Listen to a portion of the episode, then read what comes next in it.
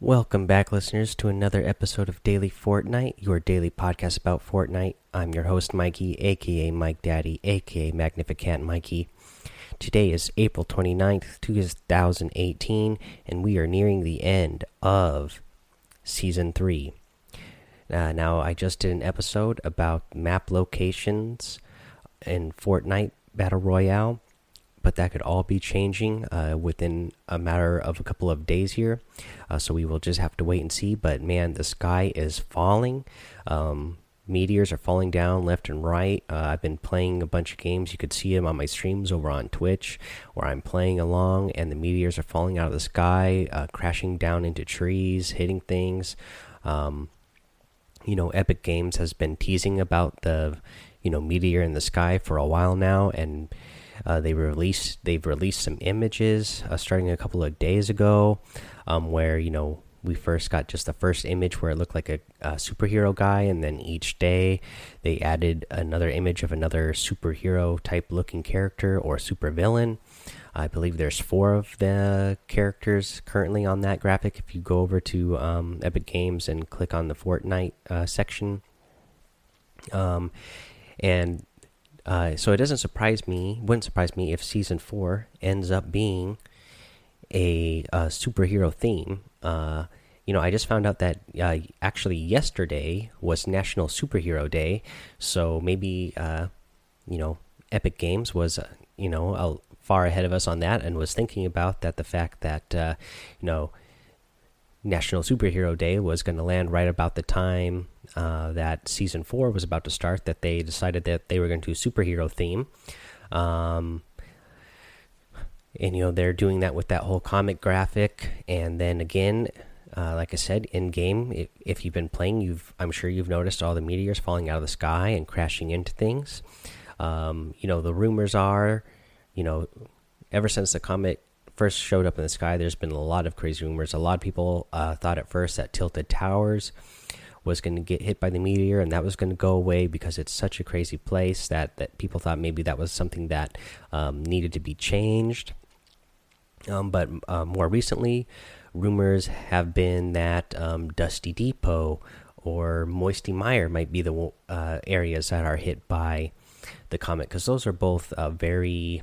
Mm, less active places that could also use a change, uh, not because they're so active that it interrupts gameplay, but because they're so inactive that uh, you want to build some things in those areas that would um, start attracting more people to go to those areas.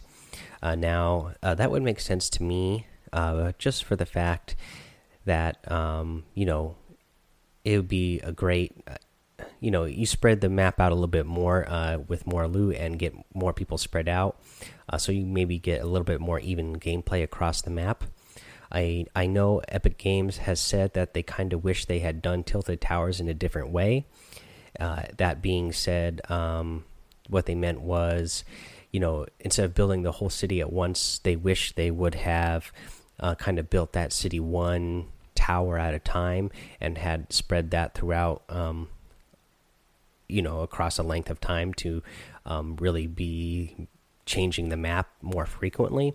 And that's something else that is rumored to be happening. Maybe when the comet hits uh, we don't get an immediate change. Uh, something won't be built all of a sudden a new big area with a whole bunch of buildings. But maybe rather there might be a couple areas that um, start changing uh, gradually. Uh, you know they start building up until they become bigger cities. You know, maybe you only start out with one building, and then over a couple, course of a couple of weeks, you get another, and then another, and then another, and then before you know it, you got an area just as big as Tilted Towers. That is something that I would actually be really interested in seeing, and I think that would be a lot of fun uh, because you know you, the, the, area would be constantly changing. Um, which always makes for more interesting gameplay. Uh, once you have an area you know, and that it stays the same way uh, over a period of time.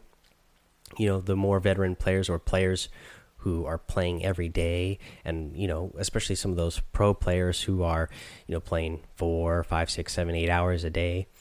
You know, they get they get to know those areas so well that you know new players coming in uh, don't really stand a chance because they don't know exactly how to get around those areas as well.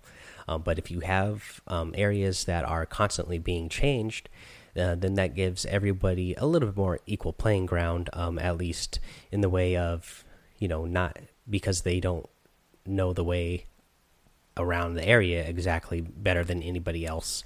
Um, you know, obviously there's still the skill level itself. You know, somebody, you know, there's people out there who just, you know, are better builders and faster builders and faster editors and you know better and quicker at aiming so you can't really change that but you can uh, equal out the playing field a little bit just by uh, changing the map a little bit more often and you know uh, surprising players in the way of them not knowing exactly what's going to be around the next corner or where to look for you know where the best spot to look for loot is always going to be or where somebody might be hiding um, around a corner because they're not familiar with the area or you know what's going to be in the next uh, you know, if they go, if they open a door, what kind of room that's going to be, or what somebody might be hiding uh, behind in that room.